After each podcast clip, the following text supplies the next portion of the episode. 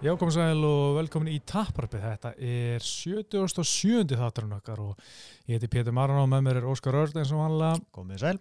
Uh, þetta er einmitt, já, þáttur 77, svolítið töff, um, en uh, í þessum tætti við þetta fara yfir Tabi og Gunnar síðustu helgi og förum þetta yfir það sem er framöndan um helgina, USA 243, Robert Wittiger og Ísrael Adesanya. Við erum að taka þetta upp svolítið seint, first day. Mm -hmm. þannig að þá sem uh, já, ef þið eru að hlusta eftir helgina þá getur við bara skipað þegar við erum búin með kunna umræðina eða eitthvað sliðis Mm. en uh, við erum að sjálfsögja búið viftunar hérna og uh, það er nóg að vera þess að dana þetta uh, ég er alltaf að hlusta á draumaliði með hérna Jóaskóla fyrir um vinnu vinnufélag minnum Eitthvað fótbolta eitthvað. já, hann fær sér satt uh, fótboltamenn Mm. sem eru, þú veist, annarkort komin í svona setna árunum fer, ferlinum eða, eða hættir Mm. og upp svona uh, sínu liði svona bestu samherja sem það verið með. Ok. það er mjög skemmtilegt og hérna ég var til dæmis að klára þáttum með Gulli Jóns Mm. sem spilaði með Ía lengi vel eins og þú mannst eftir Óskar. Já, já, við það var mjög skemmtilegt, ég er mjög gána því. Ég, Mm. ég held að Gulli Jóns er toppmaður og hann sé nokkur til hann hitta hann eða þekkin einhvern sem þekkir hann neitt, ég bara held að sé toppmaður og Mm. mér finnst það mjög skemmtilegt þáttur, ég mælu með að tjekka á, á þeim þætti allan. Og hann var að detta inn í fyrir tveim dögum.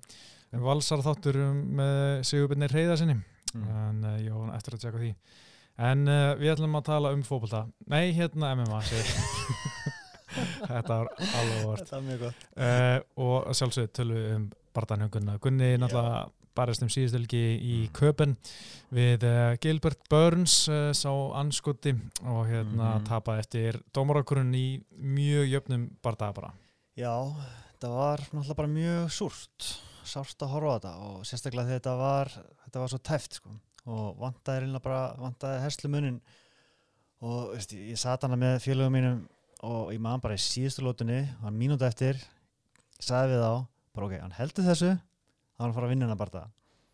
Svo náttúrulega kemur eitthvað, eitthvað fucking slam hann. Já, það eru 44 sekundar eftir. Það er Burns nær að snúa stöðuna við upp búrið Mhm. og tekur hann bara strax, strax neður og það er bara, nei, trúið sér ekki. En þá var ég reyndar ekki alveg viss um að þetta hefði væri að einstaklega sigurinn að ég er svona margt að gera skilu og, og líka það maður að lýsa og svona margt, margt í gangi, maður er ekki alveg að skora barðan svona eins og þegar maður er bara að horfa fyrst mér. Mhm. Mér fannst allan þegar ég var að horfa fannst mér vera nokkuð ljóst að Gunnar væri með yfirhundina þó að gerðist ekki mikið þetta í síðustu. Var stjórnað upp í búrið og Mhm. eitthvað svoleiðis en já, Já. en, en hann alltaf bara gaf færa á sér að lótunni er stólið Já, þetta var hérna ég veit ekki hvað maður kalla, svona smá kæruleysi eða eitthvað, hann allan að Mm. ná að snúa stöðinu við og bara strax bara ná teiknani Já, og það sem var kannski leiðilegast við þennan barða er bara hvað hann var ekki að ná niður. Hann náði afsaki aldrei niður Mhm. og eina skipt sem hann komst ofan var þegar hann counteraði uh, fellina hjá Gilbert Burns í fyrstu lótu sem var flott gert, ég hef síðan gert hann miljónsunum aðeingu mm en hann náði hann aldrei niður þegar hann var að reyna sjálfur. Mér fannst það, mér fannst það óþægilegt. Já svo sem kom mér ekkert mikið óvart. Náttúrulega Gilbert mjög sterkur glímaður og allt það sko. Mm en mér fannst samt Gunnar byrja mjög vel veist, mér fannst hann vinna fyrstu lótuna mjög samfærandi Já, þannig að ég var mjög ánægð með það. Mér fannst hann ekki vera eitthvað að býða mér fannst hann vera alveg ágætlega aggressífur og alltaf Mhm. þegar kom svona veist, þeir, veist, þeir resettuð þá fannst mér hann alltaf að vera hann var ekkert að býða eftir, eftir counterinn og tók það mjög örglega sko svo, Mhm. svo var þetta náttúrulega já, fór ekki alveg nóg vel í annari lótu nei, einmitt sko, hann- einmitt var svona kannski aðeins meira að stræka í fyrstu lótu heldur en í hinnum lótunum mm það var bara lítið nokkuð vel út, hann var kannski ekki að gera eitthvað sjúklega mikið damage eða mikið en hann var með fína stungu, -hmm. var með hennar fín spörk sjálfur já. og var svona greinlega að gera eitthvað smá nýtt um ald, ég aldrei sann jabba á æminni held ég fyrir en, veist, á, hérna, í barda allana okay. fyrir en núna og hérna Mm. Það bara virkað nokkuð vel og, Gunni var ánað með þetta jab líka og, mm og hann hefði bara örgulega getið gert meira af því, en og ég held að það sé líka bara, bara vinna sem er komið svolítið frá Jorge Blanco og, og það sem hann var að gera -hmm. í kampanum fyrir þennan barda hann er greinlega, vill bæta sig eitthvað þarna eh, bara í pjúra, pjúra bóksi -hmm. en svo held ég sko þegar að nær hann að komast ofan og í lók fyrstulötu og þá fá hann svona, ah, mér langar, langar að glíma hann já. ég held að svona pínu svona hann að fengi eitthvað hugmynd þar um að vilja glíma meira við hann og, Mm og svo hérna úst, var það bara pínu pyrrandi að hérna að svona, úst, þegar eru þrjára og þrjátti eftir í annarlótu þá klinsar við hann og eru bara svolítið í já. þannig mjög lengi sko svolítið mikið að halda honum sko. og það er náttúrulega ekki gaman að horfa fyrir utan það sko. mm, eh, en maður alltaf bara vill sjá meira aggression sko, já, gera meira sko, en, en maður skilur samt að þetta er stöðubarótt hann er að Mhm. reyna að leita tækifæri, leita fellu en stundum bara þarf að aðeins að breyka og, og koma með einhvern álbá að láta eitthvað gerast sko. Já, akkurat sko, það var pínu, svona pínu byrjandi en, en hérna, Mm, mér fannst líka þegar hérna Gilbert tók kasti hann að annar lótu, mm. það var mjög pyrrandi líka sko, Býtum við, tók kast uh, hvað gera hann? svona upp, hann tók svona jútakast Já, já, kast, ég held að þetta ekki brjálaðiskast Nei, nei, nei, nei, nei, nei. Ég er að minna, já, en það var líka, það var Gunni nýbúin að skjóta sko í hann út á miði gólfi, mm. Ekki uppi búrið og var, mér fannst að vera svo nálægt í að ná hann og svona hann var búin að krækja löpunum fyrir aftan, hann var svona að fara að sópa hann til hægri veginn, Mhm. en Gilbert bara með gott jafnvægi, það vantaði eitthvað smá upp á Gunna, hann náði að standa, standa af sér Mm. og ég bara nú voru að taka niður hérna sko, ég held að hann myndi ná að, veist, ég vil taka eitthvað flott kast sjálfur, hann Gunni eða eitthvað Mhm. bombar niður en, en þeir Gilbert bara bara á búrunu og næra rísetta og tekur kasti, eða stjútukasti sjálfur og það var bara, fuck, þú veist, það var svo pyrranda mér fannst það vera svo nálægt sjálfur sko Já. og þú veist, það var kannski, að þarna var ekki mikið eftir að lótunni, jú, það kannski einu hálfu eftir eitthvað Mhm. og hérna nær kastinu og veist, og upp frá því kemur þetta svona smá skrambul hana Já. og fyrir þetta Anaconda tjók og þú veist, Mhm. Anaconda eh, sko, hann alltaf byrjar að rúlla en Gunni næra koma sér aftur, hann er halda jafn Mhm. en svo er hann á svipin, hann Gilbert Burns eins og sé að krista á fullu Já, hann leikur þetta vel sko. Já, en Gunni sagði að hann hefði ekki verið að krista neitt Nei, nei. og hérna, og ég tók líka eftir, ég horfði á þetta aftur, hann er svona að horfa mikið í kringu sig, ég held að hann hafi verið að leita dómarunum og kreista fyrir fram á til þess að fá submission attempt sem er þetta bara gott game nice, skilur brilliant. Já, hann bara spila dómarana, bara vel gert. Bara snjall.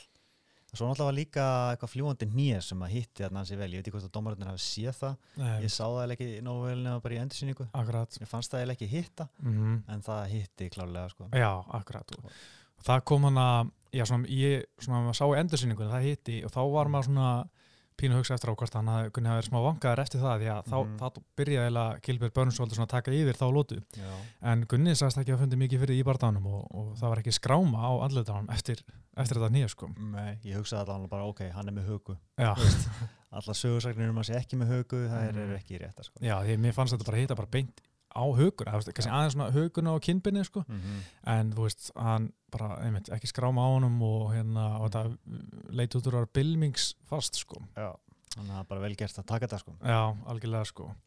En hérna einmitt þessi þriðjalóta sko þú veist, Já, Gunni auðvitað lengi að stjórna en það sem Gilbert gerir er meira afgerandi, þú veist, það er bara Mm. þannig.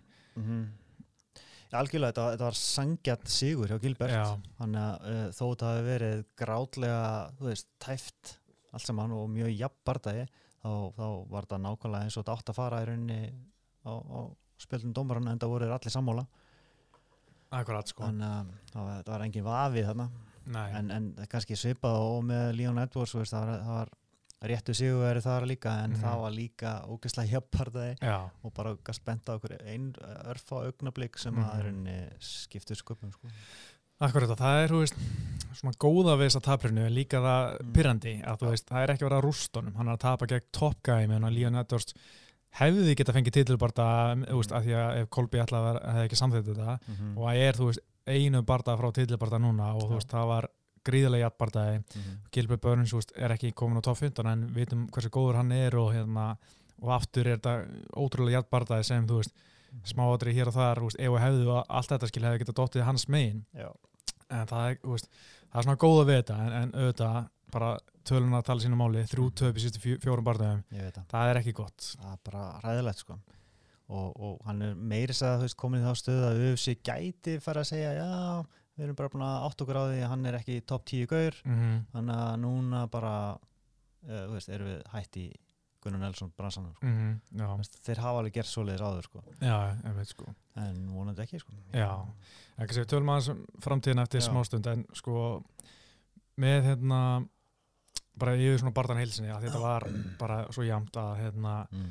þetta var þetta í rauninni heilsinni bara ekki alveg nóg gott í kunna og, hann, og það sem er svona líka pyrrandi við þetta er hann segir sjálfur eftir barðan hann hefði átt að gera bara meira, vera aggressífari Já. bara sama, sama og gegn Leon Edwards og það finnst mér vera, vera pínu á að gerni að þú veist, mm.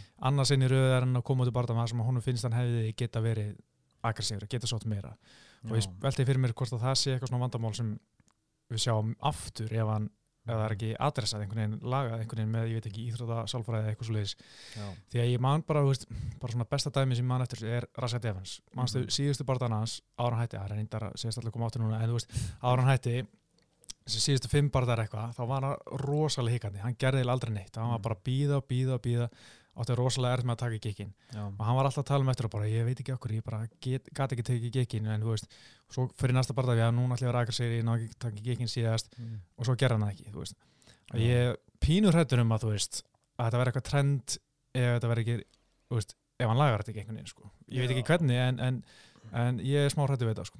Mér finnst alltaf erfitt að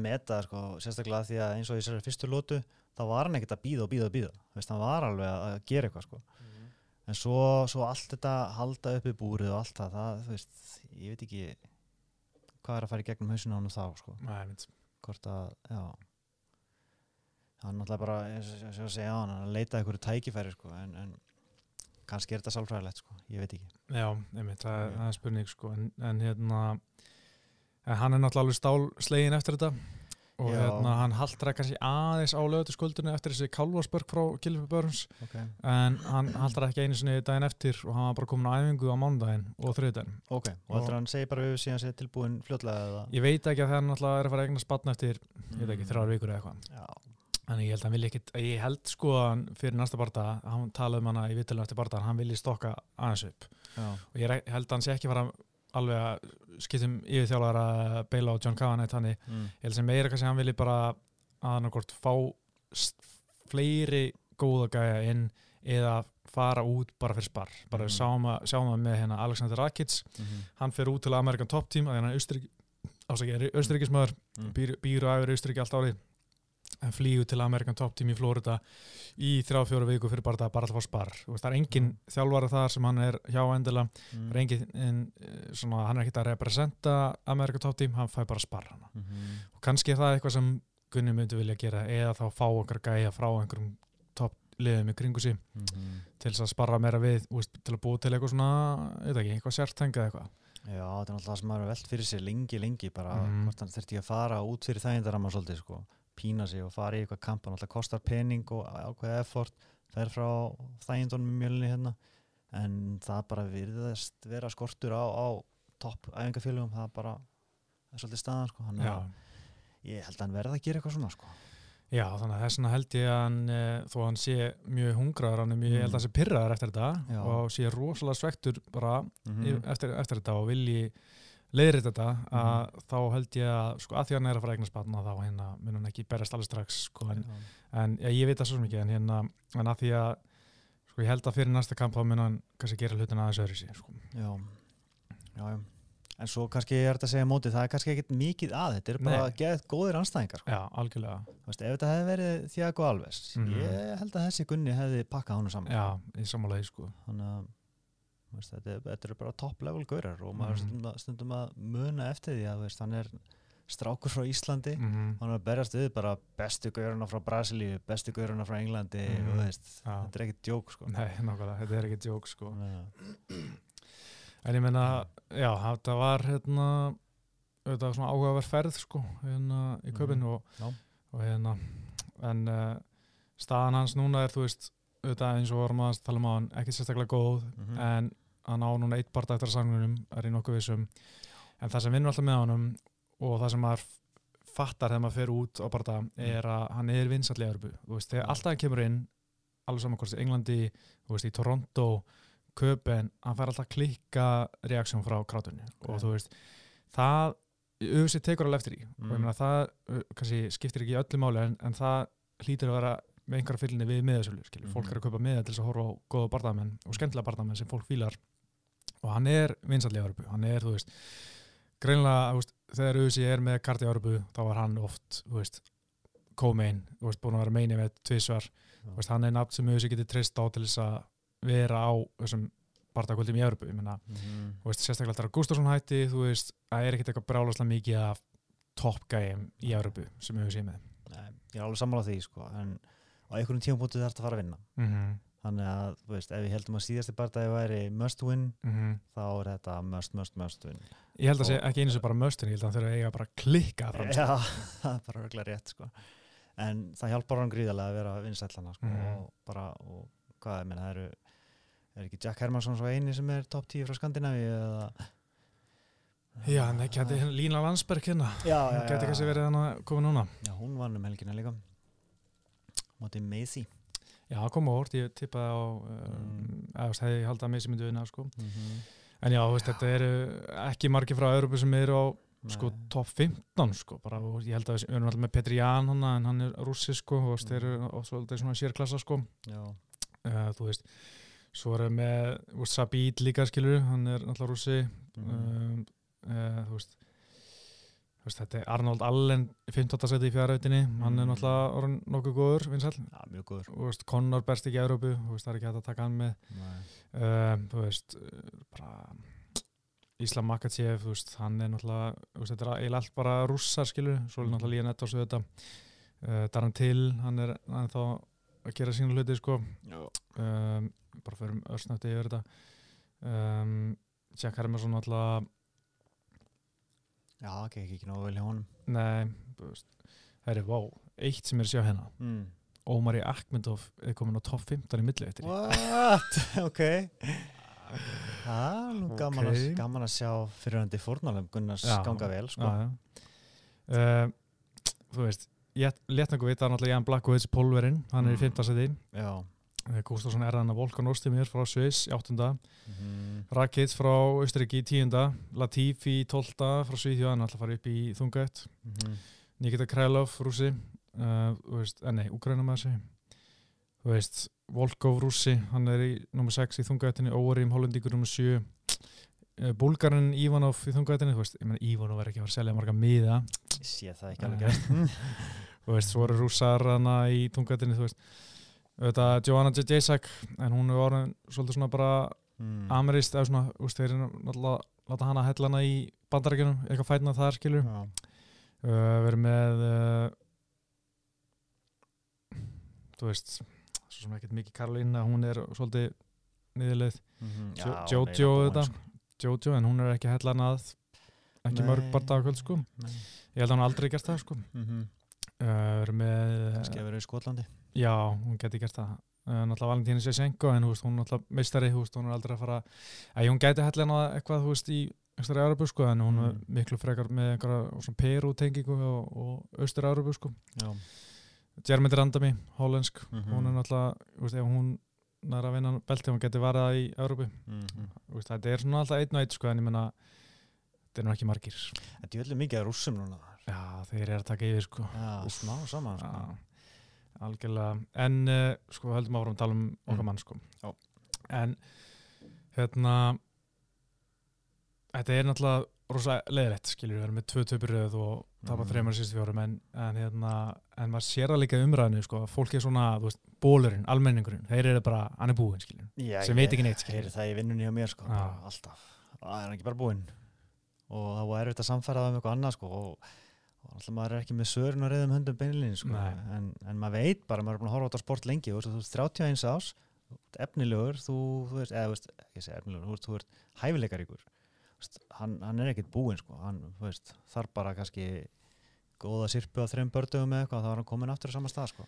já, þú veist, sögum bara Horki Masudal Já, þú veist, hann var ekki á top 5 jú, hann var örgulega rangaður hann í veltuvitinni ennþá, mm en þú veist það er rosa hit and miss í honum. Já.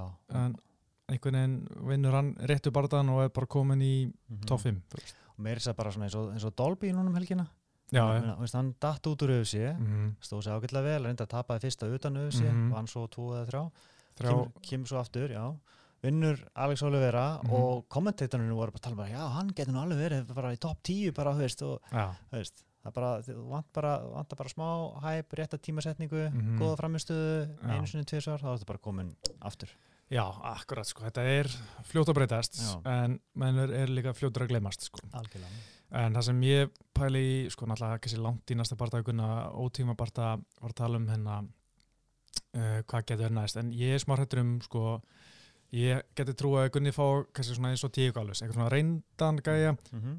sem þú veist er smá nafn og þú veist getur skemmtilegu bardagi en ég líka smá hrættur um að þeir svona alltaf byggja upp eitthvað gæja með því að láta hann vinna Gunnar en Gunni er kannski bara komin til ástuði hann er svona kannski ekki beint, gate- jú, kannski gatekeeper inn á top 15 Já, ég meina, það, það geti bara verið runnulíkin sko. já, en að góðu það þá- er ef þú vinnur þessa barða, ef þú átt að vera gatekeeper þá getur þú svo auðvitað unnið út úr þessa stöður sko. já, en segjum að maður myndi bara fá Curtis Millendir sem er 4-0 í veist, geggjaður strækjar er að klára menn Mm. það getur verið mjög hættulega barðaði en ef maður myndi vinna það skilur það var Mm. hæpið svolítið veist, ekki, ekki komið kannski alveg í sum hæð eins og Mm. var, en veist, þá var hann komin aftur svolítið á blaðið skilur já, er bara tækifæri til að koma með statement sko. mm.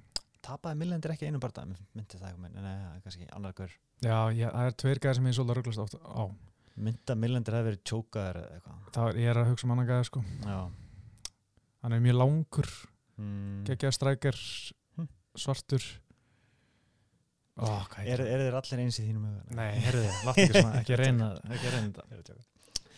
En já, ég hérna, veist, á, hvað heitir þessi gæði? Ég verða að vita hvað er, en já, hérna, Mm. þetta eru svona nokkri gæði sem hérna, Já. sem, sem alveg fullt af gæðum sem kom alltaf greina, þetta er náttúrulega eitt stærsti flokkurinn í UFC, en þú veist, Mhm. en það verður mjög áhvert að sjá hvað UFC ætlar að sér að gera með hann, sko. Og svo minna kannski næra hann einhverju klikku performance, en UFC segir bara, herri, takk fyrir þitt og gangið vel. Það geti verið, en þá geti hann tekið bara svona eins og Dolby, bara þú veist, tvo fyrir utan, ef hann festir sig ekki í einhvern of langtíma samning eins og hjá Bellator, sko. Þannig að, veist, er, þetta er ekkert heimsendir þó hann detti út, sko. Mm -hmm. Það er aðeins að muna það, sko, en hann alltaf, alltaf á brattan að sækja, sko. Algjörlega, ég menna, við erum að tala um, sko, hann er frá Jainsors, það er Þú veist, Mhm. ef hann vill og getur hann verið uh, helviti sko Jeff Neal, ég er að tala um Jeff Neal. Já. hann er 4-0, Mm. en ef hann vill þá getur hann verið sko mjög lengur í þessu, hann er ekki búin að taka það mikið skada hann er búin að vera að rota reynu sinni niður á móti Rick Story og, og Líða Nættars Mhm. en alltaf svona og ekki verið mikið að taka svona rosa hartspar eins og í shootbox eða whatever þannig held hann eigi svo lengi sem hann vil vera á svo lengi sem er hungrið allir staðar þá held ég að hann eigi alveg fjör góða ára eftir sko. Já, mögulega meira, sko. Já, það var bara allt spurningum um hvernig maður aðlæðast stílum skilur með hækkandi aldri Já, menn hvað er Tyrone Woodley gammal? Það er 36 Já, mm hann að... Já, Dalby 35 held ég, 34 Já. og hann var að koma aftur í þessu núna sko. Mm en ég er sko, eh, ok, sem hann fara til Bellator þá langar maður að sjá Gunnar móti Michael Page eða ég held að hann myndi pakka hann saman Já, myndi bara taka niður og, Mhm. og söpa hann, vantilega, ef hann leipur ekki niður hvað geggja nýja, sko. Já, ég var svolítið til að sjá það sko. Mhm. Hvað finnst þér um Michael Page? Sem er, hann tók hann um síðustu helgi Mhm. eh, hvað heitir hann aftur? Já, SPG gæðin? já, ég maður ekki. Um, En mér finnst hann mjög skemmtilegur að horfa á. já, En hérna, hann greinilega með ykkur samt veikleika í geiminu sem að eh, Douglas Lima notfæri sér þetta. já, ég hérna mér langar bara að sjá hann á móti fleiri top móti, móti Paul Daly, hann var ekkert spes þar sem var top gæði, eða hún ást ekki top gæði miklu betri en margi sem hann er bætt Mhm. barast við Mhm. Douglas Lima var alveg góður, hann var rótaðir, hann var að standa sér ágætlega Það var svo briljant sem að gera, sparkaði Já. fætinum undan honum. mm Alltaf hann stendur alltaf í þessu víða stensi. að- en það er kannski bara að endur skoða það. En, en já, það verður áhört að sjá hvað Gunni gerir næst en, en mm, það sem ég stela besta við þetta er hann er rosalega ákveðin, eða, hann er pyrrar eftir þetta, finnst mér sko já, og hann er bara mjög ákveðin í að halda árum að bæta sig og hérna, Mhm. vinna meira með Jorge Blanco ok. vinna meira með straggingið og hérna koma svolítið svona, svona já, ég er ánægð með hugufar hjá hann hvað hann búin að vera að segja svona eftir hennar bara það og hérna, Það flotta sér ekki uppgjöf í honum. Sko. já það er engin uppgjöf hjá hann það er bara nota benni sko Já. og ég held að sé ekkit fyrir veist, eins og stundum, eins og maður heyri bara rasið þegar hans tala um, þú veist, engin uppgjöf honum um Mm. tíma, en svo var hann bara skuggina sjálfur sér í búrunu veist, og oft kannski bara segja hlutin sem hann heldur að segja en mér finnst þetta að vera mjög authentic hvernig hann er að segja hlutina hann kunni að að það er engin uppgjöf, það er nóg eftir Já. En uh, tölum núna um uh, 2, 3, 4 Nei, Ú. 2, 4, 3 Já, ok. Hérna, Það er Ísal Adesanya og Robert Whittaker Já, og ef þeir eru að hlusta á sunnudegi að mánudegi, þá bara Mm. so sorry, við erum búin að tala um Gunna, við erum núna að fara að tala um helgina mm en þetta er þundkart en þetta, er, eitt besti bardagi ársins meinivendið þetta er eiginlega bara lélegt kart fyrir, fyrir utan tvo barða. Sko. ah. Það, ég verði eiginlega bara að segja eins og ég var, Mhm. var að horfa yfir það á hann mm -hmm. og það er eiginlega ekkert sem ég finnst spennandi. Yfirleitt er svona eitthvað aðeins á prílim svona, að Já. þetta getur verið ágæð. En Mikael Andersson og eitthvað svo leiðist, það er ekki kveikið mér sko. Nei, mitt sko, það er hérna fullt af bardamönnum sem ég bara hreinlega þekki ekki sko. Já, það er bara, ég ætla ekki og þykjast vera einhver gæði sko. Og sko meiri sá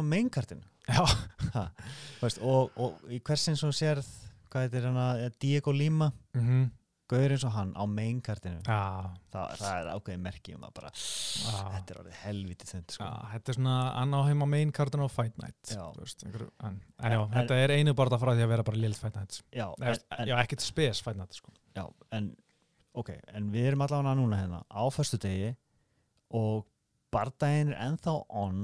Mm. þetta er búin að vera sá bardagi sem ég er búin að vera eiginlega mest vissum að verði fokkaður upp í Já. einhverjum ve, veikindum eða meðslum eða Já. einhverju shitir það er náttúrulega ekki að það búið að ná vikt Nei, ég veit það er í hvað, í kvöld, sent í kvöld. Já, held að. Já Þannig að það skulum við ekki jinxa þetta of mikið sko en, en, en shit, þetta verður að gera sko og þú veist, í einhverju 50.000 mann að rýna í Mhm. Ástralíu þetta er svo fullkomið sko Þannig að, og þetta er náttúrulega sko bara mögulega besti bardagi sem millivitin hefur séð sko, Mhm. síðan bara Chris Weidmann og Luke Rockhold sko, Já. bara svona þvílík spenna mér fannst náttúrulega Romero bardagani og, og við ekki flottir sko, en þetta er svona tveir svo absolutt topp gæjar mm þú veist, á toppnum heldur maður, maður veit náttúrulega ekki alveg með vittikar sko, nei, en þú veist, þetta er svona báður á leiðinu upp og maður sér ekki hvernig, þetta- hvernig þetta getur ekki verið bara bardagi einmitt, þeir eru báðir ungir í raunni mm -hmm. samt báðir reynslu miklir mm -hmm. báðir teknilega geggjaðir þú veist, Mhm. með gappreyfingar og alls konar vopn og tól og,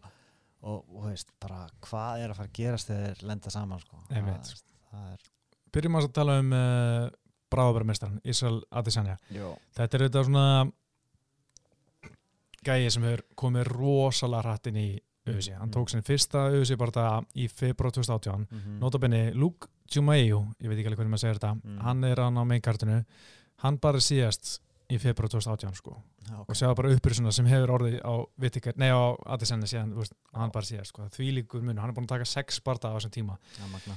og vinnaði allavega þetta Mhm. Og ég var að horfa aftur á ásaki bardaðan gegn uh, uh, Kjellin Gastelum Mhm.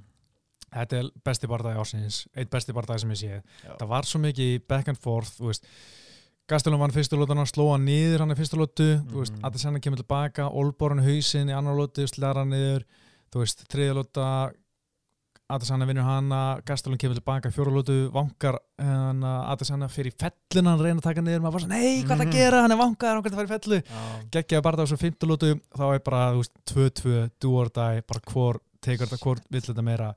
Ein besta lóta sem maður séð þú veist, ein besta framist sem ég sé þessa Mm. lóti af því að Adesanya, hann bara pakkaði gastelunum saman í þeirra lótu, sko, hann kýlda niður sko, sko, hann, dómar hefði alveg getað stoppað það nokkur sinnum fannst mér, sko, þetta var Mm. alveg að tæpast að vaði að vera bara bítan, sko Þetta Í já, þetta var bara rock í mynd í rauninni sko. ótrúlegt sko og hérna og það var svo áherslu að hlusta á Adesanya eftir bardan hann var að tala um Mm. sko, fyrir fymtulótana var hann að segja sjálf sig bara ég er tilbúin að deyja, ég er Mm. tilbúin að deyja að vinna en um leið og ég er tilbúin að deyja er ég tilbúin að drepa og maður bara, Mhm. fuck, þetta er svo þú veist, þú veist, pældi ég að vera með þetta hugafar þetta er svona, þetta er svona hugafar sem maður maður er erfitt með að setja sig í spóri sko. Þetta, maður- þetta er það sem þarf já, sko. já, en þetta er, þú veist, þarna finnst mér bara svona, ok, það er munur á þessum gæjum Mhm. og þú veist, vennileg manni. Stundum heldur maður, veist, þegar maður hlustar á þess að gæja að tala, þeir eru hrætti fyrir barða, upplega alls konar tilfinningar og óta fyrir barða, Mhm. maður hugsa bara þeir eru bara vennileg menn sem eru upplega sama og við myndum upplega ef við varum að fara í, í búri en, en, en eru bara stíga inn í óttan og gera þetta samt Mhm. en þegar maður segir svona að það senna bara nei, þú veist, nei, þetta er ekki alveg það sama hann er okkur annaða level, skiljur með Mhm. svona andlega sér fyrir barða, hann er bara ekki þú veist, hann er tilbúin að drepa og deyja það er Mhm. bara rugglað bara eitthvað annað species veist, það, maður tengir einhvern veginn enga veginn við þetta sko. það er ótrúlegt sko. algjörlega en, en, já, en hérna, en svona tæknilega sé uh, horfum að það sinna sko finnst mér, sko ég var að horfa svolítið á Jack Slack, svona það sem hann er búin að skrifa um hennar bara margir mjög góða punktar sem uh, mm. gaman að segja frá veist, þetta er ekki allt hugmyndu mínar, þetta er hugmyndu frá Jack Slack veist, hann er svo góður að finta Mhm. og svo hann gera svona auksteinin svona eins og sé að alveg fara að jabba skilur já. og svo gera leika með mjöðminni, eins og sé var að koma með svona aftari spark eða aftari hendi, hvort sem er í sáttbúðu og orthodox, beinhægri eða beinvinstri, hvernig sem hann stansið hans er Mhm. Og þú veist, hann er svo góður að feinta og feika, ég held að sé engin í MMA sem er góður að feinta og feika eins og hann, veist, hann er svona svipa góður að feinta eins og þegar Andersson Silva var sem counter-striker, veist, Mhm. bara við höfum ekki séð svona blekkingar á svona háu leveli í MMA bara Nei, en það var með eitthvað 75 bardaði í kickboxing eða eitthvað líka mm hann var 75-5 í, í kickbossi sko. 80 bardaðar sko. Já, og hérna eitt jættabli, hann er 81 var það, hann er gott með þennan það. Mm. En þú veist, að því hann er svo góður að feinta, þá er, þú veist, hann lætur feintið lítið út á þessu árás Mm. og lætur árásuna lítið út þessu feint. Mhm. Þannig að þú veist, að svo rosalega erfitt fyrir gæðina að átta sig á tímasendingarnas. Að þeir, ég hef líka lesið nokkuð viðtöluð eftir það sem við voru bara, að að hjá gæðin sem að vera mó, góðum strækjurum, bara veist, Conor anstæðingarnir voru að tala um að Mhm. svo er þetta að vita hvað er að koma og veist, þetta var hraðar en byggust við og allt þetta Mhm. að minnst það er svo, alltaf svo áhvert að menn er búin að undirbúa sig fyrir eitthvað gæði í tvo mánu Mhm. og svo þeir eru hana í hringnum með honum eða búrnum það er þetta bara allt öðru sem byggust við miklu hraðara, miklu erfara að sjá hvað er að gera og, Mhm. og þú veist, tímastendingan sem er, þessi gæði er með er þú veist að svona offbeat veginn, þú veist, ég man hann feikar og þú veist, mar, maður vettur í setja hendurinn upp og svo það hendur að koma niður, kemur olbúi fyrir að þetta sinna, Mhm. maður settir þessu Nei, ok, þetta ekki bara- sko. Þú þú veist, þetta er svo klikka góð hluti sem maður tekur ekkert eftir, þú veist, ef maður horfa á þetta Mhm. en svona, maður horfa á þetta kannski aftur í slow motion, bara svona, djöðl er hann góður hann er náttúrulega bara fáránlega góður sko. og já, maður stundur sé að hann er að ógna mjöðminni og kemur vinstri bein og gaurinn bara, what the fuck hann líka með svo mörg vopn og, og, og notar þau svona randomlítið skiptis þannig að það það ennþá Akkurat, þannig að, úps, smá tæknileg vissin á stólum mína já en hann er, hann er klárlega öðru leveli sko, það er spurning Já. bara Whittaker er líka svolítið svona megapreyfingar sko. Já, en okkar aðeins að klára eitt með Adesanya sko. ég, er svo, ég er smá obsessed að Adesanya mm. er að þú veist, hann náttúrulega kemur á kickbossi og maður Mhm. sé marga góða kickbossar komin í emma ekki, ekki vera nærið eins góði strækarar þú veist, Mm. Gökhan Sæki, hann var rótar af veist, Khalil Roundtree sem er Mm. minna en færri en tíu MMA barða og þú veist, þessi kickbox legend bara rótaður í fyrstu lótu sem maður bjóst ekki við og Mhm. það er náttúrulega munur á strækingunni að því að hanskar er náttúrulega miklu minni en Adesanya var eitthvað aldrei þessi allan að, ég held að hann ekki eins reitt, reitt sig eins mikið á stóra hanskana sem vörd eins og Mm. margir kickboxagreir, hann var aldrei þú veist, að hilja sig á baku stóra hanskana og býða þetta ekki fyrir að koma saman kantir, Mm. hann er miklu frekar verið svona að nota ramma, íta gauður frá sér nota fjallaðina til þess að sem vörd sem hendar náttúrulega miklu betur í MMA heldur en, þú veist, ef þú ert bara að treysta á stóra hanskana sem vörn í kickboxi, sko. Já, mjög góð pæling sko. þannig að hans stíl svona aðlast MMA miklu, miklu betur heldur en hjá til dæmis Gökhan Sæki, sko. Já, já, sniðt og svo er hann líka með furðulega góða fellivert, sko. Maður hefur séð það, sko, það er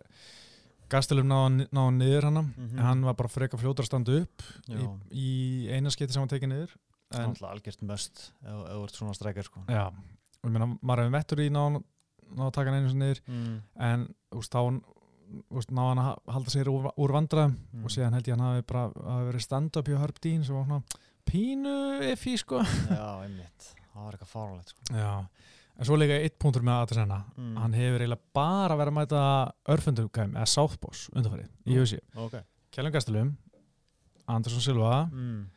Derek Bransson Marvin Vettori og veit ekki með Rob Wilkinson sem var fyrst en þetta er allt örfundugæðar er ekki Núna er hann að fara móti réttundugæða Ég held samt hann með það mikla reynslu í stræking Þú veist, heiminu Já, Það held að breyti ekki öllu sko. en, Nei, en bara ekki það var eitt punktur sem Jack Slack kom með Já. er að hann var hann er svona pínu viðkomur pínu mm. fyrir vinstri krók svona lít vinstri krók okay. frá réttundi gæja Alex Pereira sem hann rótaði uh, Adesanya í kickbossi mm. með vinstri krók og eitt af því svona fáa sem uh, var að hitta í Andrós Silla var lít vinstri krókur Já. þegar þeir mættist Já. og hver var að þjálfa Andrós Silla fyrir hann bara Alex Pereira Alright þannig að ég veit ekki. Og Tilviljun hver er með geggjaðan krók Já, þú veit ekki. Robert Whittaker. Já, þetta geti, geti gengið af sér já, en, Já. uh, þetta er En- já, tölum um En- Whittaker. Hvað ætla að segja um Whittaker? Nei, kannski bara í lokin með þetta ég, meina, ég fór bara þess að fletta upp veist, meina, hver, er, hver er síðasti gaurinn sem að vann Whittaker? Whittaker er búin að vinna núna nýju barndæðir og búin Mhm. að líta helviti vel út síðasti hann tapaði, það var á móti Stephen Thompson Mhm. sem er svona snæpur Mhm. og það var bara rótök í fyrstu lótu Mhm. og ég veist, Adesanya er alveg, alveg þannig gæði sko. Mhm. þannig að það er svona, já, eitt en, en svo er annað með sem ég veist, bara X-faktorinn með Whittaker hann geti bara ákveðið að taka bara GSP á þetta sko.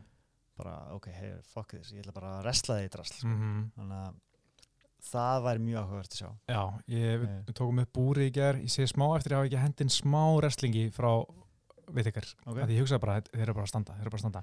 En þú veist, af hverju ætti Vittikar ekki að bara wrestla við hann og taka hann niður? Hann er með tólun til þess held ég. Já, hann er sko, hann var nála til að komast ég bara í, í ólupilið í Mhm. wrestling fyrir Ástralíu. En UC sagði bara, herri róa aðeins niður, þú veist, hann er svona mikið meittur Mhm. en er að koma bara aftur lokkar og sleppa þessu hann sagði ok við því Mhm. en hann er, veist, það góður wrestler hann er að vinna, veist, bestu wrestlerina í pure wrestling, veist, Mhm. á mótum, sko Já, mér finnst að vera algjör no-brainer og þetta ætti að vera gameplan já, sko. Veist, þú ert að fara á móti einu besta strækir bara ever sko. Mhm. og þú veist, ok, hann er góður strækir en það er að segja Whittaker en Adesanya er betri, ég held að sé bara þetta stað það og það sko. þannig að það er bara spurning hvort hann getur tekið hann niður sko. það er já, en þú veist, við höfum alltaf séð Vittikar vera að stræka svo mikið að því hann er búin að vera að mæta mm glímunum, hann er búin að mæta Jól Romero sem er náttúrulega bara Já, og hann hafði að halda sér standandi þar helviti mikið sem var flott, en Mm. sáum ekkert mikið á offensive wrestling, þar aður Mhm, ekki mhm. mikið á offensive wrestling, hann bara bombaði niður þetta með höggum. Og held að síðasti strækar sem hann mætti var uh, Uriah Hall, já. Ég man nú ekki mikið eftir þeim barða en hann vann allan að þetta mm Svo mætti líka Brunson sem er náttúrulega líka wrestler. Já, hann, var hann ekkert að taka hann niður sko. Þannig að já, ég held að hann hljóta að í þetta sko. Bara fellur og fellur og taka bara GSP allar leið, menn er búin að að tala um að, að Whittaker sé svona nýja útgáfan af GSP og, og mér finnst það gott að koma með eitthvað kvót núnum hvað gera fyrir þetta að hann væri not impressed by his performance hann að síðast. Það er þetta mjög gott sko. bara að vera draugur GSP mættur hérna í, í Whittaker sko. En ég var að fletta upp minna stats og mm. að stíðast þegar vitt ykkur kláraði fellu ég veit ekki hvernig hann reyndi, það var á móti Uriah Hall Já, ok. já, hann er ekki klárað fellu síðan þá sem gerir þetta ennþá meira briljant sko, að koma með þetta núna Já. en ég held að þetta er svona hljóta búast við því já, já, en hvort hann geti gert eitthvað í því það verður stór spurningin þannig að kannski verður þetta bara takedown og, og ground and pound sigur frá, frá Whittaker Já. að snemma en, en svo er náttúrulega alltaf stóra spurningi með ykkur mm. eins og vorum að líka velta, eitthvað- velta í fyrir, fyrir síðasta barða er hvernig er ástand á hann mm. hann náttúrulega fyrsta lagi búin að fara í gegnum 50 mínútur á móti Jól Romero Já. og það, hann tílótur og hann sagði að sjálfur veit ekki að það er eins og skíla og sparka í stál Mhm. og þú veist, hann var, tók miklar barsmér, ég held að hann hafa sínt bara mesta svona gritt sem ég æðmennu síðan í 50 lótu gegn Romero í setni barðanum Rosalegt. maður bara, ég trúi ekki hans þegar að standa upp eftir þetta þetta hlýtur að vera búið en nei, þessi grjót harði, harði ástrali Mhm. kemur bara á og siglir þessi heim bara magna og kannski átti Romero að vinna hann bara, ég veit það ekki en þetta var bara svo ógeðslega grjóthart Mhm. hjá veitingar, ég er svona það er auðvitað algjör klís að segja þetta en þetta var eitt af svona harðasta augnablik sem ég sé, bara þessi 50 lótu gritness eða hvað sem maður að kalla þetta hjá Robert Whittaker Mhm. en ég menn þetta tekur sinn toll, þetta hefur sín áhrif Já. og svo er náttúrulega bara meðsla og veikit að saga hans undanfarn ári er búin að vera bara, Mhm. bara ótrúlega mikil óöfni okay, fyrsta lega náttúrulega meðist hann í fyrir barðarinn gegn Romero í fyrstu lótu, fyrir Mhm. gegnum alla fimm lótunum samt. Síðan er hann lengi að jafna sig, tekur eitt árið inn að jafna sig, berstu Romero aftur hann er júni 2018 og þar brýtur hann höndina á sig fyrstu lótu Mhm. tekur hérna uh, lengi jafna sig því nei ég gleymi hann alltaf átti að fara á Luke Rockhold hann í februar þegar Romero kemur inn í staðin að þá meitist hann þá fekk hann hérna hlaupabólu og fekk einhverja hrikala sýkingu þú veist, Hvað, já. hversu óvinn er þetta að vera sko. Og svo hérna núna fyrir barða gegn uh, Kjellin Gastonum í februar Mm. þá aftur dreifur hann svo út og, og gera auðvitað samdæðis að þeim fekk hérna einhverja þarma, uh, kviðslit og þarmanni voru eitthvað að myndast eitthvað gatan á kviðinum þannig að þarmanni voru svona þrýstast út Mm. hún var búin að vera illt í maðan allt kampi svona, veist, svona smá maðurverki búin að fara í skanna og koma ekkert fram Mhm. svo bara daginn fyrir barðan að dreipast í maðanum og loksins kemur þetta ljós og hann þarf að vera aðgerð bara núna pældu í ofni Já, þetta er svolítið slæm saga sko. já, og þú veist, þannig að maður ein- Eh. eins og segir, maður treystir ekki alveg að mæti í búrið en þetta lítur að það, ég veit ekki hversu mikið tóll þetta er að taka á mönnum, skilur Nei, Við náttúrulega höfum ekki ennþá séð neina sannir sem að benda til þess að það sé hægast á hann sko. nei, hann er bara 28 Hann er bara 28, hann er raunin ennþá ungur en þetta er rosalega mikið sem hann lítur að já, tíu lótur á móti þessu, þessu ofurmenni sem Mhm. heitir Romero sko. Þannig að maður sá bara eins og móti í kostabardaðanum já hversu fáralegur hann er sko. mm Þannig að já, ég hallast nú aðeins samt að hann sé ennþá mjög ferskur veist, þetta ungur mm en ég held að þetta hljóta stitta hans eitthvað tíma sko. Já, alltaf ekki sko en ég held að það sé nú ekki núna sko. ég held að sé ennþá að sjá næstum því bestu útgáðan á Vittiger sko. Já, ég vona það einlega Þetta er, já, kannski fyrir utan gunna er þetta uppáhald spartamæri minn í Já. þessi í dag, myndi ég segja, MMA í dag bara. okay. Ég bara veit ekki hvað það er, ég bara dyrka hlustan að gæða að tala, mm -hmm. geggjað fætir ekkert vesen á hann, þú veist svona þú veist, hann er ekki að keira óleiti konur eða að taka stera, skilur í píkógrömmum með neitt hann að, það er bara allt enn gæði sem ég fíla og, og ég var að hlusta á eitthvað gammalt podcast við hann í sumar þar sem hann var að tala um þungleiti sitt, mjög óperskott hann mm. Glýmdi svolítið við þungleiti og hefur gert það. Og það er svolítið skrítið, hann er að tala um sko, hann kannski eins og hann handlegsborðan eða breyta á sig höndina fyrir Rómærabardaðan hana, eða í Rómærabardaðanum Mm. síðan hann er að koma aftur þá kemur á æfingu, hann er svo á æfingum. Og hann er ekki á þeim stað sem hann vill vera. Og hann fer bara verður bara þunglitur, hann segir, ég, veist, ég veit alveg margir vera pyrraðar á sig ég veist, og ég er ekki að tala um að ég vera leiður eftir, eftir að vera á æfingum. Ég verð í ángrís bara þunglitur og, og þá Ok. vill hann ekki mæta æfingu kemur upp með alls konar afsakarnir til að fara ekki æfingu mætir ekki æfingu og verður þá tarlandi ennþá léleri þegar hann mætir æfingu og það verður svona bara spírall einhver ringrás sem hann festist í og vill ekki tala við vinnin sinna og einangra sér alveg því hann, finnst það bara að vera umulur umulur fætir sko.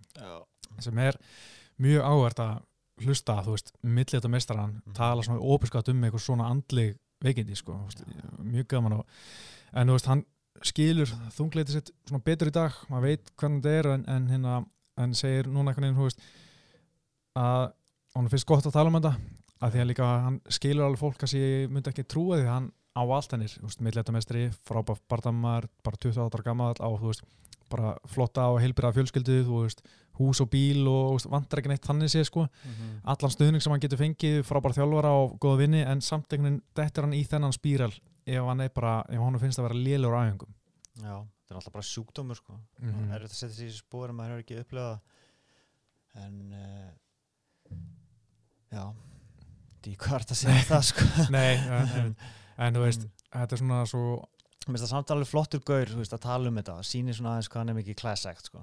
Veist, að, að bara hann er ekkert að, að skamma sín og feila þetta kemur bara hreitið dyr hana sko. Já, mitt, og hérna hann vildi fyrst ekkert mikið tala um þetta en síðan Mm. ákvað hann að tala um þetta og hann bara leið betra að tala um þetta og líka að hugsa að þú veist, kannski er aðrir sem er í söfum aðstæðum og ég geta tengt við þetta og Já. kannski hjálpa þeim og, og ég mitt bara gott merki um hvað það með ekki toppgæði sko. Já, en hann, það væri voða leiðilt að sjá hann lamin ítla sko. já, einmitt sko Mm. Og þetta er náttúrulega, þú veist, í Ástralíu fyrir fram að 50-55 mm. manns í Marvel, á Marvel Stadium, hann að reysa sjó mm. og þú veist, hann er heimamaðurinn á móti nýsjálandi ekki vissulega og þú veist, það væri svo leiðilt að svona heartbreaking eitthvað moment sko Já, en ég held að sem að fara að sjá það sko. já, sko, ég ætla aðeins að býða með spána Já. en, en hvernig, þú veist, heldur að stemningi verði það þetta er sko, náttúrulega, ok, við tekar er fættur í nýsjálandi, ný, nýjasjálandi Mm. flýtur eins og eitthvað til Ástralíu Já. hann segist skilgreina sig bæði sko en hann er samt Ástrali uh, að fættur í Nýgri flýtur 11 ára gammal til Nýjasjálands og búin að búa þar alveg síðan. Mm þetta er Ástrali á móti Nýjasjálandi í Ástrali þú veist 55 manns. Það er örgulega klíku stemningana. Biluð stemning sko, maður kannski áttar sig ekki alveg á uh, dýnamikinni þú veist, hvernig Mhm. samband þjóðana er og svona. Nei, Nei, svona ímynda mér þetta sé svona eins og England, Írland eitthvað, þú veist, dæmi, sko.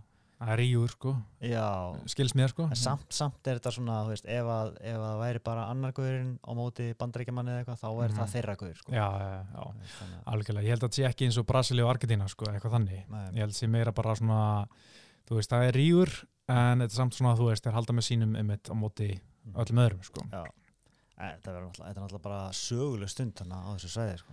Já, akkurat sko. Það er auðvitað að sjá þetta gerast aftur, sko. Já, þetta er náttúrulega sama höll og, og hérna Holly Holm rótaði rándur á sí. Holly Holm átt að mæta Rakel Pennington á þessu kvöldi. Mm. en hún meittist eða Pennington meittist sem hann ekki en ég var ekki mjög sorry með það. Því að sko ég man eftir fyrri barndanum með Holly Holm og Rakel Pennington, hann var ekkert spes. Þetta er svo típist auðvitað með svona litla þingtaflokka Mm. þetta er eins og maður þunga þetta veist, auðvitað bara setur saman þú veist, en það er eins og sé bara að gera eitthvað því að þú veist, vantar bara, ok, hendum Holly Holm uh, fáum bara hérna Pennington hérna, þetta er svona 500 í lokun, þú veist, er bara svona, við þurfum hérna Mm. rætta þessum barða ára fyrir heim uh, Pennington, hérna, sendum hana bara inn Það er búin að berjast, það skiptir ekki máli. já, það var ekki gaman, aðeins getur ekki máli, Mm. Holly Holm selum með það, þú veist, Mm. og hún var í höllinni hérna gegja mómentinu 2015, bara getur selt það, bla bla að þetta var, þú veist, fyrir bara ekki skemmtilegur og Holly Holm er náttúrulega ekkit oft skemmtilegur, skilur við bara vikina það nema þegar hún er að headkicka Já, nema þegar anstæðingur pressar á hana Já. þegar anstæðingur gera það sem hún vil gera Mm. eða vill að þeir, þær geri, þá er hún skemmtileg ef ekki, ekkit spes en þú veist, uh, já ég, þín spá, þú heldur að hérna Adesanya vinni Ég er bara ansið hrættur um það að, að muni hafa yfirhöndina standandi. Ég held samt að þetta verði erfiðu bardagi og, svolítið stríð. Uh, held að það sé svona nokkuð garanterað sko, saman hvernig það fer að þetta verði spennandi sko. Ég held samt bara að, að Adesanya sé það mikið betri standandi hann muni svona smá saman taka hann í sundur, fattan og, og ganga frá hann bara í fjóra lótu og veist, veit ekki er mun reyna fellur og svona ég held að Adesanya muni fara aðeins niður en muni koma sér upp aftur og halda áfram að taka hann í sundur sko. og vinnur eftir dómara okkurina Nei, ég er nefnilega að segja TKO í fjórðu sko, svolítið býta hann sko. Ástralega grætur Já, þú, það væri mjög erfitt að horfa upp á það sko. Já, ég, sko sko heilin segir alveg Adesanya bara þú veist, að hann er búin að vera virkari ég menna, þú veist, Mhm. vittikar er ekki bara síðan 2000, júni 2018, hann er ekki barasti sko neitt annan nema Romero síðan í februar 2017 skiljum, maður hefur svo, svo erfitt að segja hvað hann er. En ég elska vittikar svo mikið, ég ætla bara að tippa á minn mann sko, ég held að hann bara taka þetta eftir decision í einhverju svona bara frekar brútal stríði sko. Já, ok. Og þú veist, það var, var báðislegni niður. Jú, veit ekki að vera með einhver takedown sem mun klára einhver, einhver fellur nei, einhver, einhver lótur fyrir hann. Mm -hmm. en ég held að þetta veri bara geggjaður bara þú veist, þú veist Gunni Einar sinna vinnufjölu minn sagði, þú veist, áhver er þetta að gera þetta að setja svona mikla vandi hverju bara mm. Mm. þetta verður okkur leiðilt, alltaf þú byggir upp eitthvað svona spenni, bara nei þetta, þetta. ekki, þetta getur ekki verið er séns og ég held að þetta verði bara klikka góðu bardagi Já kannski ekki jafn góður á Gastelum og, og Adesanya mm. en ég meina við sáum Gastelum drop eða svona vanga vanga uh, Adesanya -hmm. ég held að Vittikar geti gert það líka Já, og ég held að Vittikar bara taka þetta þú veist, þrjálótur gegn tveimur og uh, undefeated, nei hérna undisputed champ. Það væri ógslag líkt Whittaker að gera það sko. mm -hmm. En ég bara held að, að, að höggin verði það mörg og þú veist, andlita á hann verði orðin svolítið hambúrgari hann að þriði förulötu og ég meina andliti leita ekki vel út á móti Romero. Og ég held að höggin verði fleiri og betri á móti Adesanya og þetta munir bara sapnast upp og hann verði bara bloody mess. Já, sjáum bara til með það Já, en næsti partæði, það er Mm. náttúrulega við ætlum, fara, við ætlum ekki að fara ykkur einasta partæði við tökum það er bara tveir bardagar já. þetta kvöld sko. Ale Quinta, Dan Hooker Já, þú veist hvað ég ætla að segja ég, sko. já, já, Dan Hooker Ég er mikill Dan Hooker maður Hann er mjög skemmtilegur mm og bara held mjög það þangað til að, til að proven otherwise sko. Hann er alltaf, alltaf stendur alltaf undir væntingu þó hann tapir sko. -hmm. en svo bara bósa bardaginn já, svaðalegt sko. það er eitt mesta bítan sem ég hef séð held ég sko. Já, en, en djöfis harkaði manninum að taka þessi, þessi spörk í skrokkin já, oh, það var eitt af ótrúlegasta sem ég hef séð sko, ég er að horfa á þetta aftur núna bara á miðvíkudaginn já, og hann stóða sér svo mikið að spörku svo Mhm. mikið þungum höggum bara í magan og samt held hann áfram að lappa skilur og pressa að, að, að hérna bara bósa, af hverju ættur að gera af hverju bara leggst ekki niður og bara sleppir sig, þú ert ekki að vinna. Hann var svo andlega sterkur. Já. hann saði á honum, hann, hann, hann var engin Nei, og svo bara endanum var bara líka með bara gaf sig. Að þetta var alveg bara, þetta var poetic sko. já, en þetta er líka dæmið það, úst, ok, dómarinn átt að hefði alveg getað að stoppa þetta, en af hverju er hotnið ekki að kasta hann haglaðin, þú veist, mm þegar er bara að fá hennar hundrasta sparki í maðan, þú veist, hann getur valla lappað eftir Mhm. lásbörg hann er bara að bara vera lemjan mm. haldið í alveg hann sé að fara að vinna Já, það þarf að gera eitthvað í þessu Hotnið Já. þurfa aðeins að taka sér það Já, en oft er þetta líka þetta hotni sko, það er ákveð tröst á milli sko, að barðamenninni getur verið fúlir út í þú veist, bara ég var í alveg með hann eða eitthvað, mm. en þeir að það þarf bara að vera þetta tr- trausta, þú veist, þeir eru að hugsa um vegferð barðamansins sko. Já, mér finnst það ansi langt í landi þessu. Alltaf með við bóksið og svona sko Já, algjörlega. En svo náttúrulega rótaðan uh, Gilbert Burns á mjög flottan hátt eins og við Mhm. rættum síðast. Já, uh, og er, ég held ég svona, já, meiri svona pinpoint striker heldur en Æja Kvenda en, en Æja Kvenda náttúrulega frábær barndæmaður líka sko og síndi hann náttúrulega bara á móti Khabib hvað hann er segur sko, hann er eiginlega góður allstar, góður í gólfinu góður glíma náttúrulega æfi með Mats Serra og félögum. Mm og svo er hann alveg segur standandi sko. Já, hann er orðin bara flottur þar fyrst mér, hann góða hæri hanna eins og rótaði Diego Sanchez með og mm -hmm. búin að eiga nokkuð góð augnablik svona hér og þar standandi. Já, og mást eftir hérna fymtilóturinn á móti Kevin Lee, hann bara lappa eftir honum og bara landa hann sko með alls konar spörkum og, mm og það var sem er mjög impressive sigur, af því að þá held ég að Kevin Lee var bara svona top 5 gæði sko, að neyta hann bestu en alveg kvönda bara úst, vann hann mjög, mjög jöfnum barða en, en Mhm. vann hann aftur og hérna mjög stað að vera mjög flott og og veist, hann hefur svona oft komið mér á orð ég hef oft haldið að hans eh, svona limit væri bara top 10 max veist, jafnvel svona berli top 15 Mhm. en ég minna hann eh, vann 5 bardaði röð og fór alla 5 lótunum með Khabib sem er meira en Conor og Dustin Poirier geta sagt og Mhm. vann Kevin Lee og hérna gekk, já, var hann flottur á móti Cerrone, þá fattaði hvað Jakvinta var að gera Já En já, þessi barndægilega bara geggja er að því að þetta eru báðir svona gaurar sem að maður sér alveg geta verið topp playerar já, og þetta er svona tækifæri fyrir annan að skera sig úr og, og skjóta sig upp sko. mm og svo bara stílarnir og þú veist já sko ég, mér veist eins og með aðalbarta finnst mér mjög erfitt að giska á þennan barta Mm. mm. veist, ég er svona að geta alveg sér báða fyrir mig vinna en ég held samt sko ef ef Jakvinta vinnur held ég að vera eftir dómar ákvörðun sko ég held Mhm. einhvern veginn að hann geti bara svona unnið sér hægt og róla bara taktist stræking bara með góð jabbi og svona skora stig frekar heldur en eitthvað mikið damage Mhm. en Húker, veist, að mér veist hann oft vera pínum kærleus með vörðina sko, veist, eins og á móti Barbosa það var að negli hann samt voru veist, var hann eitthvað ekkert mikið að hugsa um hvað var að koma í sig sko. Mhm. Eh, þannig að þú veist, ef ég þyrti að tippa veist, mér langar að sjá Dan Húker ná rót ekki, en ég geti líka alveg en ég, ég ætla bara að vera mótið þér og segja alveg kvönda eftir dómálokkurinn Já, þú veist, án þess að vera samfara um það einmitt, ég held að á hvort veginn sem þetta fer, það finnst mér allar líkur að þetta fari í stig. Bara þó að Hooker sé með yfirhundin allar tíma þá, þá er bara ægja kvönda það harður. Já, aldrei verið rótaður. Nei, og þetta er þryggjalótu bardagi þannig að þetta sé mjög erfitt að klára hann. Mm.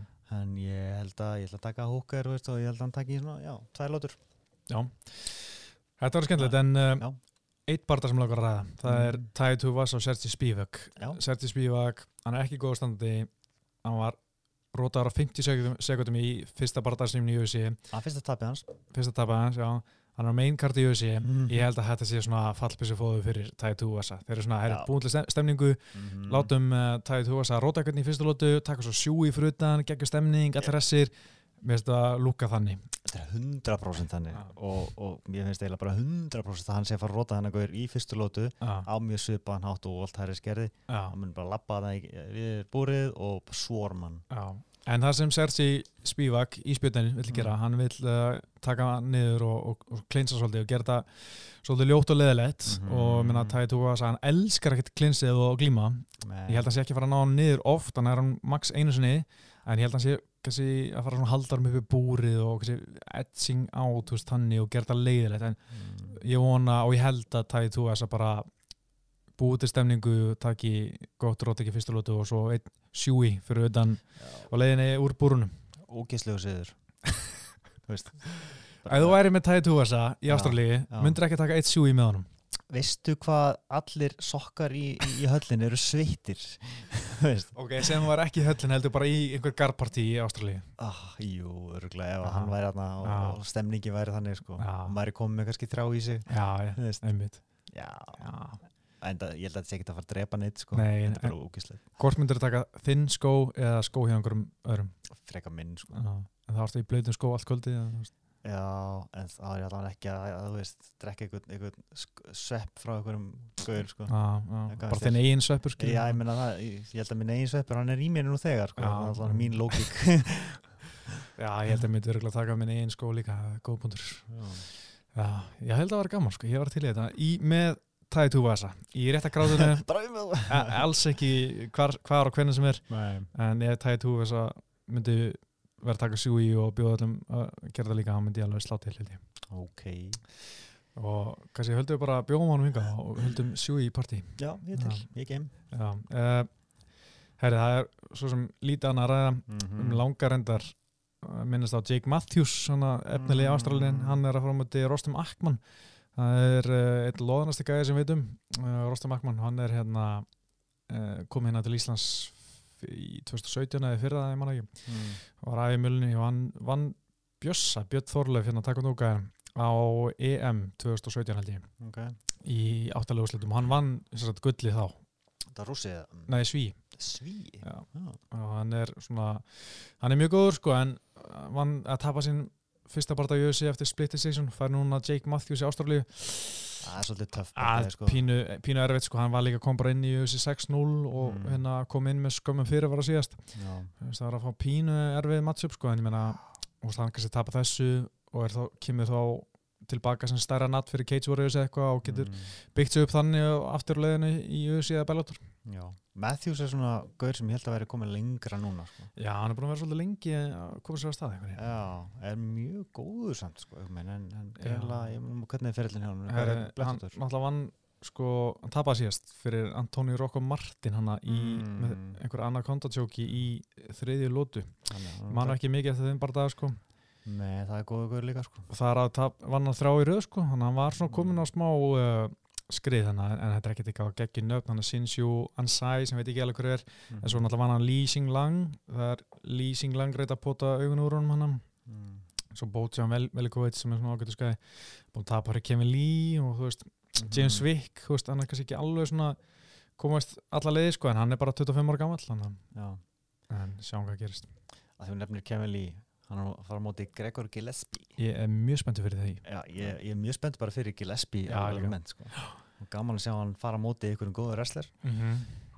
ég er svona er samt að Gillespie sé sterkar wrestler og munið taka hann sko. sko mér finnst alltaf með Kevin Lee búin að horfa á svona veist, að hann fór upp í veltivitt mm. var ekki að meika gegn Kevin Lee þar gas, nei, gegn uh, Hafaldur Sannjós gasa þar líka, Mm ég held að hann sé bara ekki nógu góður sko, tanglega, hvort sem er í veltivitt eða léttivitt, hann sé að fara að verða eitthvað fara eitthvað lengra núna sko mm. Þú veist, hann þarf eitthvað að bæta sig og hann er fara afturinn í léttvit eftir að tala um hvað kötti var ógæslega erfitt mm.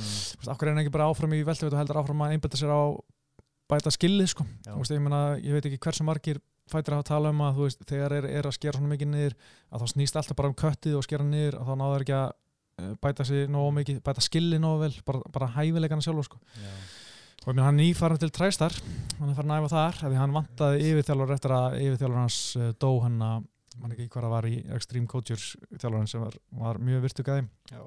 en hérna að spurning hvað Fíra Sahabi getur gert með, með hérna Mm. með Kevin Lee Já, maður hefði bara viljað sjá hann halda sig þarna sammála því sko en það er tími áður en sábardagur Já. en uh, var að slúta þessum yes. uh, með, ég ætla að tala um Jared Cannonier en Mm, ég er bara að gleyma því. En hann var flottur, komur óvart. Ég var ekki samfæður að hann var topp 10 gæi. Núna er ég samfæður Nákvæmlega, þetta var svona svolítið breakthrough dæmi sko, Mhm. og mennum færðin að líka hann við Anthony Johnson sem að finnst alveg mega sens, sens pínu sko.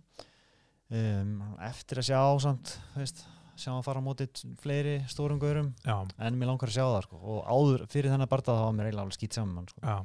Hann varist allar öllum föllanum Mhm. hjá Hermansson vissulega var það svolítið illa sett upp hjá hann hann var svolítið mikið bara ætlan á teiknanun sama, úst, var ekki að reyna að segja þau upp nógu vel Mhm. gerði það ekki nógu vel en hérna var þetta öllu á höllanum var flottu standandi og rótan í annarlótu bara mjög solid framist af Mhm. Þessi líka bara svolítið magnaði þetta er bara þunga þetta er komið niður í milli hann berst ennþá eitthvað með bara eins og Terminator sko. já. já, ég er spenntið fyrir að sjá meira á honum Já. Afsaki, herri, við ætlum bara að slúðsum Alright. bara hlaka til að sjá uh, við ykkar verið að titlisinn vonandi. Mm uh, ég heiti Pétur, Ég heiti Óskar. Þökkum áraðana og verið sér